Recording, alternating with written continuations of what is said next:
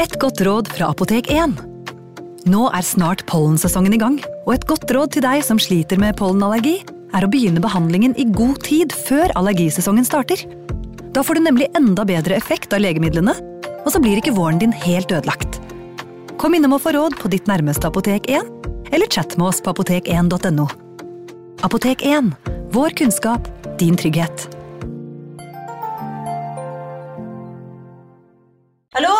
Jeg kommer fra Oslo politikammer.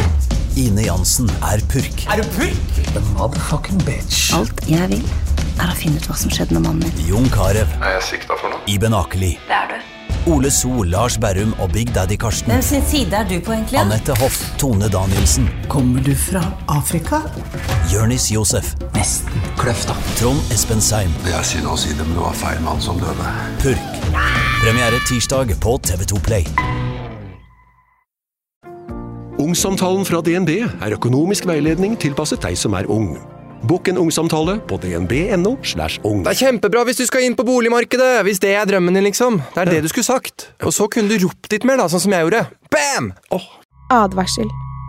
Denne podkasten inneholder skildringer av ekte drap og kriminalsaker som kan være støtende for enkelte. Det advares også mot sterke inntrykk i deler av episoden. Kjære lyttere. Det er duket for aller siste episode av True Crime-podden for denne sesongen og for dette året. Vi tar en juleferie, men er tilbake i februar. Dere legger også kanskje merke til at det ikke er Pernille som er programleder denne episoden. Mitt navn er Henriette, og jeg er Pernilles søster. Pernille skulle gjerne vært her i dag, men jeg kan avsløre at hun ble mamma for første gang nå på tirsdag til en liten jente. Alt er fint med hele familien, men det lot seg dessverre ikke gjøre for Pernille å være programleder denne episoden. Episoden er skrevet av manusforfatter Anders Borgersen. Musikk og produksjon står Håkon Bråten for, sammen med moderne media.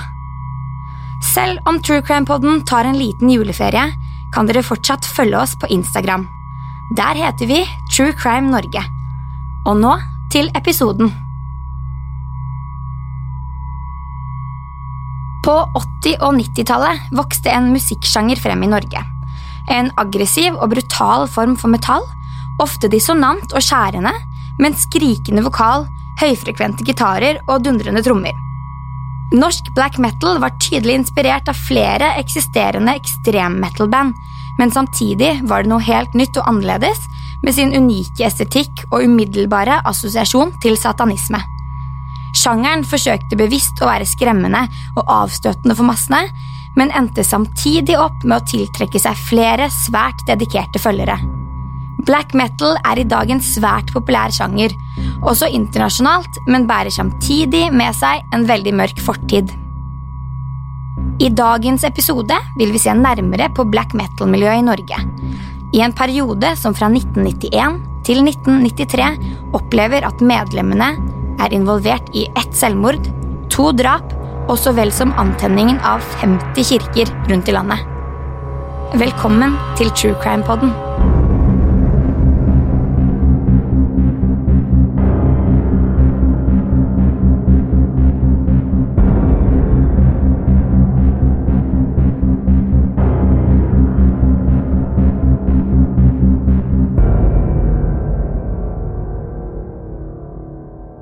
Øyvind Aarseth var sannsynligvis den viktigste figuren i Oslos black metal-scene. Ikke bare er bandet han er med i å stifte, Mayhem, et av de viktigste definerende bandene innen sjangeren. Aarseth, som kanskje er bedre kjent under navnet Euronymous, blir raskt en slags leder for hele bevegelsen, og Mayhem et midtpunkt for mange av de mest omdiskuterte hendelsene som preget miljøet.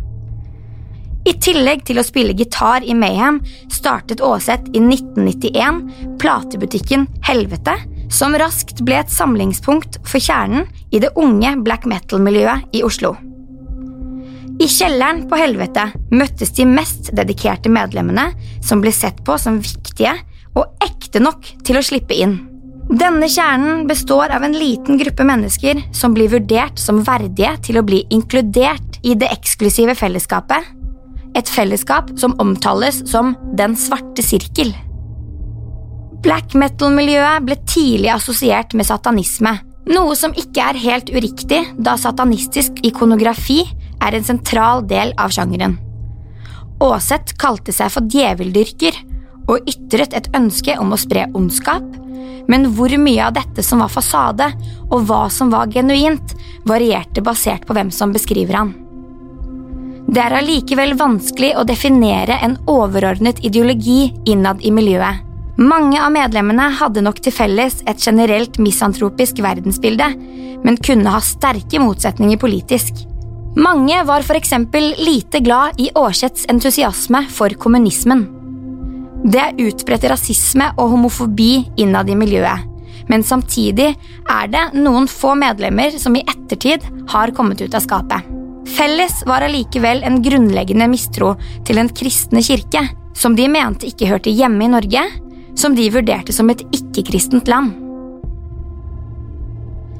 Mayhem skifter ut flere av medlemmene de første årene, og etter hvert tar den svenske Per Yngve Olin over rollen som vokalist. Olin gikk under navnet Dead, og ble raskt en toneangivende figur i black metal-miljøet. Særlig hans scenepersona er med på å etablere mye estetikken vi i dag assosierer med sjangeren. Olin dekket ansiktet sitt med såkalt likmaling, hvit og svart sminke, med intensjonen om å se mest mulig ut som et lik. I tillegg spiste han lite for å oppnå et magert, nesten utsultet utseende. Han begravde klærne sine og lot dem råtne for å oppnå en lukt av grav. Ifølge medlemmene av Mayhem var ikke dette ment som en gimmick eller et forsøk på å se kul ut på scenen. Det var Olin som ønsket å se ut som han virkelig var død. Olin sto allikevel ikke bare ut gjennom sminken og utseendet sitt. Mayhems tidligere konserter var brutale og ofte blodige opplevelser for publikum, ettersom Olin ofte kuttet seg så blodet rant, som en del av showet sitt. Han kastet også døde dyr til publikum. Å se publikum forlate konserten i avsky gledet Olin, som foretrakk at kun de ekte fansene ble igjen for å oppleve konserten. Tilnavnet Dead var ikke tilfeldig valgt. Olin var visstnok besatt av tanken på død. Han bar ved flere anledninger med seg døde dyr og fugler og lot seg inspirere av den råtnende stanken, lukten av død. Dead var ikke bare en persona diktet opp for å sjokkere eller skremme. Olin var åpenbart selvdestruktiv, også i sitt private liv. Han ble beskrevet som annerledes og innadvendt, og hans mørke, åpenbart deprimerte væremåte gjorde han vanskelig å forholde seg til for de andre medlemmene av Mayhem. Det var ikke uvanlig for Olin å forsøke å skade seg selv, og kunne ofte gjøre dette foran venner og bandmedlemmer som måtte holde ham nede for å hindre at han overdrev selvskadingen. De fleste ville antageligvis ha blitt bekymret for denne atferden, som åpenbart var i ferd med å spinne ut av kontroll. Øystein Aaseth hadde tilsynelatende lite sympati eller omtanke for Olin, og valgte heller å oppfordre ham til å ta livet sitt. Angivelig skal Aarseth ha følt at Olins selvmord kunne utnyttes for å bygge en mystikk rundt bandet og bli en del av Mayhems voksne omdømme. 8. april 1991 tar Per Yngve Olin sitt eget liv. Han er alene i et hus i Krokstad som medlemmene i Mayhem disponerer både som hjem og øvingslokale. Han forsøker først å kutte pulsårene i håndleddene sine og halsen, noe som medfører kraftige blødninger, men ikke nok til å ta livet av han. Olin finner så frem en hagle som han vender mot hodet sitt. Hodet hans eksploderer regelrett av kraften fra skuddet. Det er Euronymous som først oppdager Olins lik. Han kontakter etter hvert politiet, men velger først å ta fotografier av Olins døde kropp. Han beholder også biter av Olins fragmenterte hodeskalle, som han deler ut som halskjeder til utvalgte medlemmer av black metal-miljøet. Euronymous skryter umiddelbart av bildene han har tatt, og forteller til Mayhems bassist Jørn Stubberud, bedre kjent som Necrobutcher, at Olin har gjort noe veldig kult, nemlig å ta sitt eget liv. Dette skaper en splittelse innad i bandet, og Necrobutcher velger som følge av dette å forlate Mayhem. Øystein Aarseth har ingen intensjon om å la dette være slutten på Mayhem, og han rekrutterer etter hvert Varg Vikernes til å ta over som bassist etter Necrobutcher. Dette vil snart vise seg å bli en skjebnesvanger avgjørelse. Varg Vikernes, også kjent som Count Grishnak, eller Greven. Aarseth tar ham under vingene og tilbyr å gi ut musikken til Vikernes' prosjekt Bursum på selskapet sitt. Vikernes er foreløpig ikke veldig etablert i miljøet i Oslo, men også han har store tanker om hva han mener black metal skal representere. Hans holdninger er ekstreme, han har både nazistiske sympatier så vel som en mer aggressiv tilnærming til opprør mot Den norske kirke. Den 6. juni 1992 brenner Fantoft stavkirke ned. Dette blir det første av en lang rekke påsatte kirkebranner i Norge. Fra 1992 til 1996 er det så mange som 60 slike branner, og det blir etter hvert åpenbart at Varg Vikernes er involvert i denne bevegelsen. Vikernes selv mente ikke nødvendigvis at brannene opprinnelig var motivert av satanisme, samtidig som han er forsiktig med å ta på seg noe direkte skyld eller ansvar for brannene. Han mener det var mediene som skapte denne sammenhengen og medførte en lang rekke imitatorer. Han mente de var påvirket i større grad av mediedekningen som la stor vekt på det satanistiske aspektet, enn av black metal-kjernen. Disse imitatorene markerte åstedene med satanistiske symboler og tekster, noe han selv, eller de som sto ansvarlig, aldri hadde gjort. Det er allikevel en annen som står bak det første drapet knyttet til black metal-miljøet. Bård Eitun er en av flere unge menn som trekkes til Oslo og det nye musikkmiljøet som er i ferd med å vokse frem. Eitun, som også går under navnet Faust, blir kjent med Aarseth og begynner å jobbe og tidvis også bo i platebutikken hans Helvete. Eitun spiller trommer for black metal-bandet Emperor, som gjør seg raskt fortjent til en posisjon i Den svarte sirkel. Eitun vil snart bli et levende eksempel på konsekvensene av de ekstreme holdningene og ideene som deles internt i miljøet. Eitun hadde visstnok lenge vært opptatt av seriemordere og bar til enhver tid med seg en kniv. Det var kanskje dersom lite overraskende for mange at han endte opp med å ta et menneskeliv. Selv beskrev han denne kniven som en forsikring, noe han ville bare ta i bruk dersom han ble nødt til å forsvare seg. Men når Eitun den 21. august 1992 tar i bruk denne kniven, er det ikke i selvforsvar. Eitun er hjemme i Lillehammer for å besøke moren sin. Han har vært ute en tur for å ta seg en øl, men barene er for fulle og masete for han. Han bestemmer seg for å ta en tidlig kveld.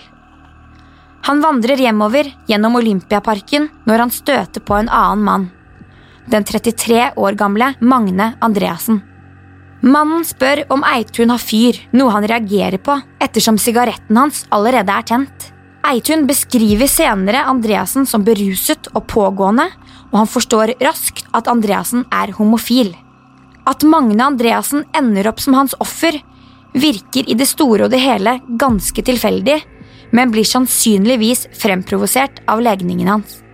Eitun misliker homofile menn, særlig når de legger an på heterofile menn, men han hater dem ikke nødvendigvis av hele sitt hjerte. Dette gir hendelsen et visst inntrykk av å være en slags impulshandling. Når forslaget om å bli med inn i skogen dukker opp, går Eitun med på dette. Han har på dette tidspunktet allerede bestemt seg for at han vil drepe Magne Andreassen.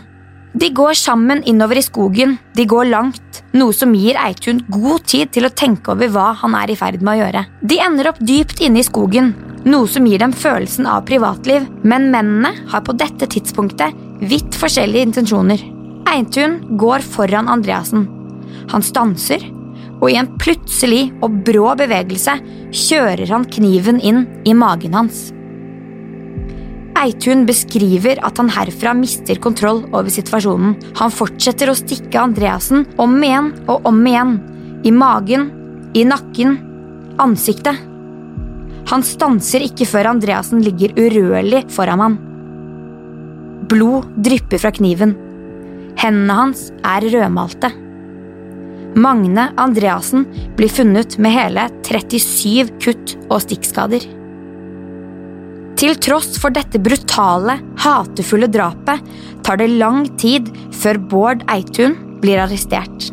Politiet leter i det homofile miljøet, men den ikke-eksisterende linken mellom Eitun og Andreassen og mangelen på vitner gjør det umulig for politiet å finne relevante spor.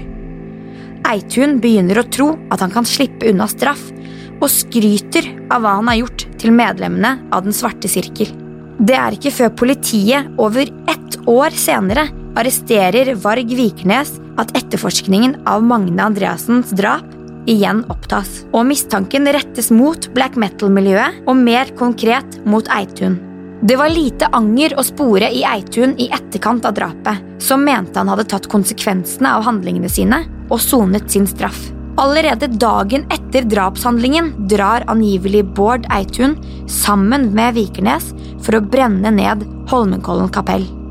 Varg Vikernes stiller i januar 1993 opp i et intervju med Bergens Tidende, der han innrømmer at han selv, eller medlemmer av miljøet, sto bak kirkebrannene, så vel som drapet på en mann i Lillehammer. I artikkelen er Vikernes ansikt delvis tildekket og forsøkt anonymisert men Vikernes, sammen med en rekke andre i black metal-miljøet, ble arrestert allerede før saken var publisert. Kort tid etter dette begynner forholdet mellom Øystein Aarseth og Varg Vikernes å forverre seg. Flere innad i den svarte sirkelen beskrev en slags maktkamp mellom de to, som sentrerte seg rundt innflytelse og påvirkningen i miljøet. Øystein Aaseth var med på å etablere sjangeren, og var gjennom helvete og plateselskapet sitt Death Like Silence blitt en naturlig lederfigur. Vikernes på sin side viste handlingskraft. Der Aarseth først og fremst var delaktig i å etablere en filosofi, ledet Vikernes gjennom eksempel.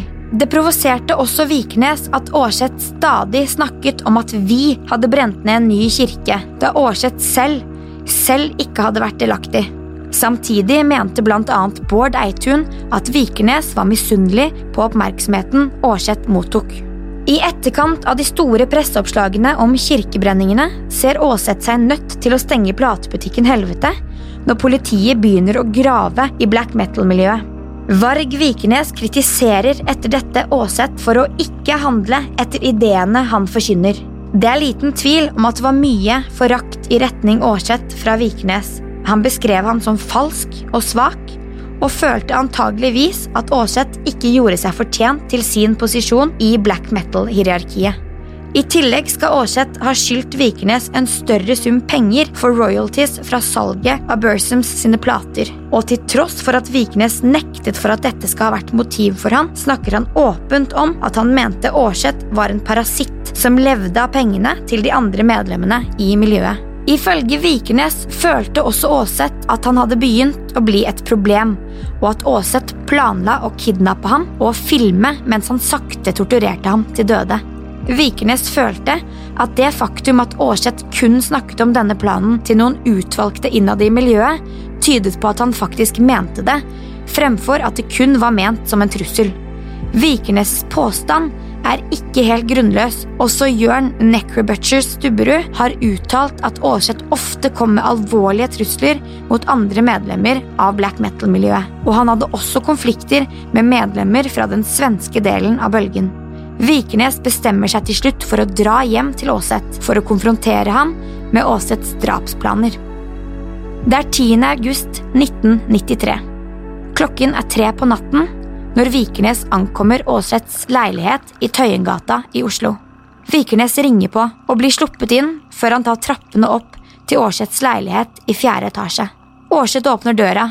Han er kun iført undertøy og forventet neppe at Varg Vikernes skulle møte opp på døren hans midt på natten. Vikernes beskriver at Aarseth underveis i møtet fikk panikk og forsøkte å angripe han. Aarseth sparker Vikernes i brystet men Vikernes klarer etter hvert å overmanne han og få ham ned på gulvet. Vikernes beskriver at Euronymous forsøker å komme seg til kjøkkenet for å bevæpne seg med en kniv. På dette tidspunktet drar Vikernes ut sin egen kniv, som han stikker Aarseth med, før han når frem til kjøkkenknivene. Aarseth beveger seg så mot soverommet, der Vikernes mistenker at han oppbevarer våpen. Vikernes fortsetter å angripe Aarseth med kniven sin. Aarseth forsøker å flykte, han roper desperat etter hjelp og forsøker å ringe på hos naboene.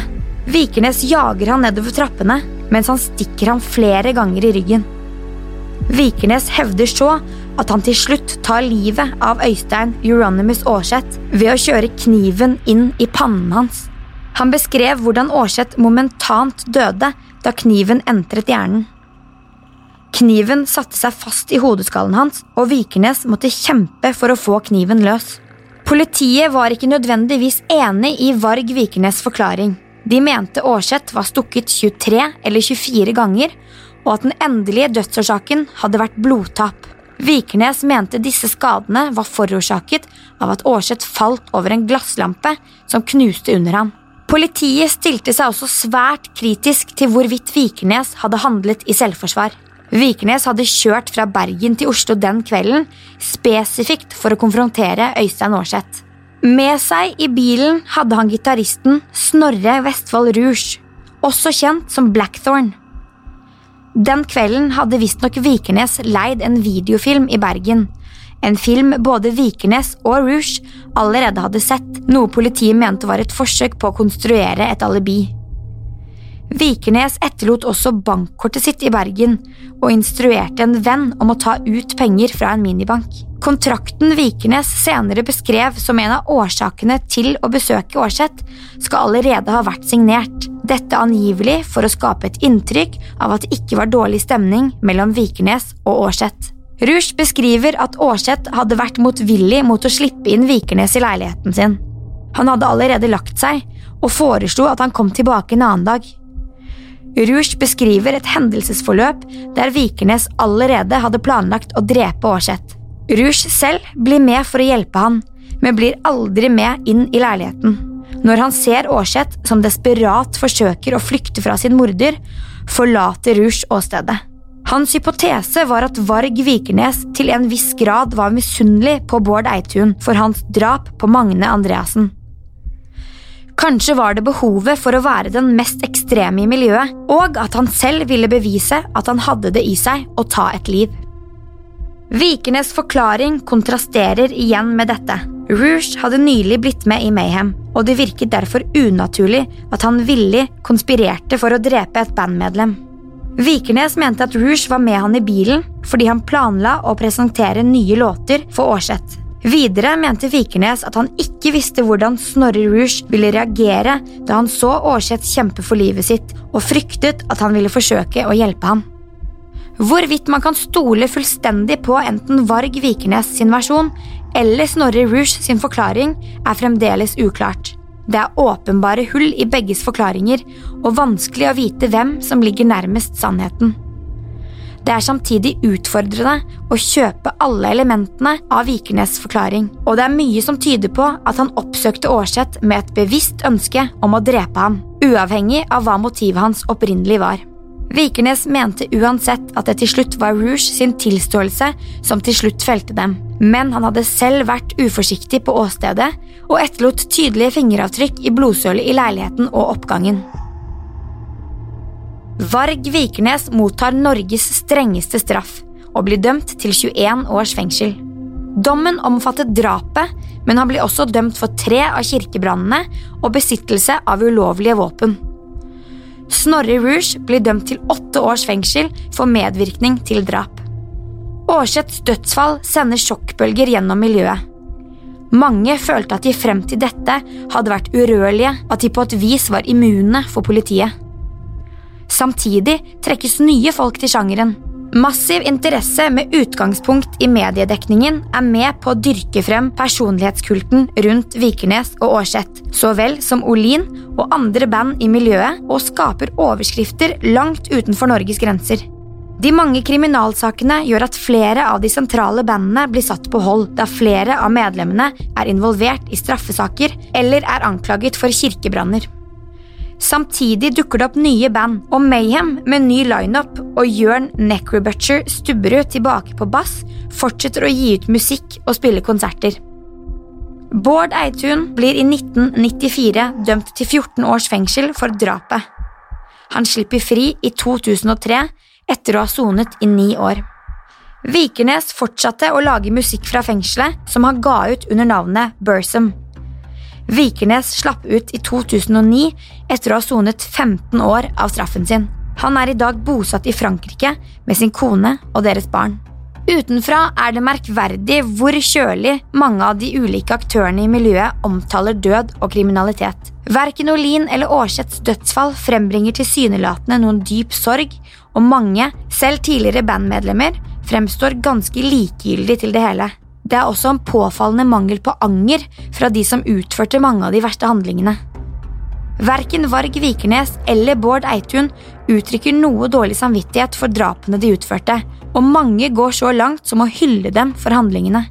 Heller ikke personene som sto bak kirkebrannene, har vist tegn til å angre på dette. Riktignok har noen musikere innad i miljøet uttrykket en viss misnøye med dette, og vurderer disse brannene som et fåfengt prosjekt. Om dette har utgangspunkt i en slags fasade, utviklet i en tro på å vise følelser er en form for svakhet, eller om det virkelig er et fravær av menneskelige følelser, blir selvfølgelig bare spekulasjon.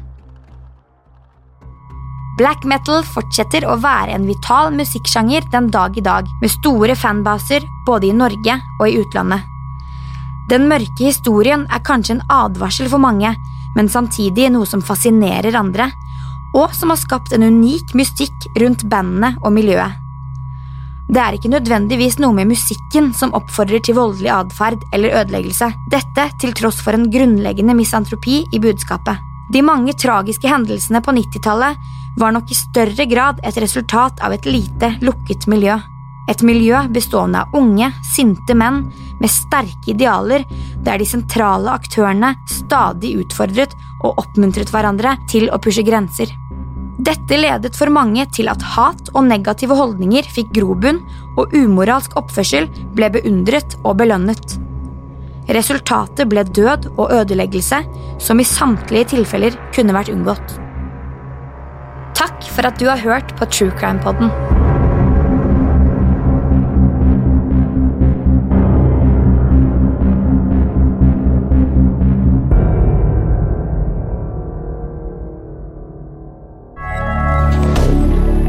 Moderne media. Har du et enkeltpersonforetak eller en liten bedrift? Da er du sikkert lei av å høre meg snakke om hvor enkelt det er med kvitteringer og bilag i fiken, så vi eh, gir oss her, vi. Fordi vi liker enkelt. Fiken superenkelt regnskap. Hei! Takk for at du lytter til True Crime Podden. Skulle du ønske at du kunne høre en ny episode av denne podkasten hver eneste uke? Vel, da er det bare å laste ned podkastappen Untold med en gang. I tillegg til ukentlige episoder av podkaster som Skrekkpodden, Synderne og Henrettelsespodden, får du masse annet reklamefritt og eksklusivt innhold. Last ned Untold i AppStore eller Google Play, og start din 30 dagers prøveperiode i dag.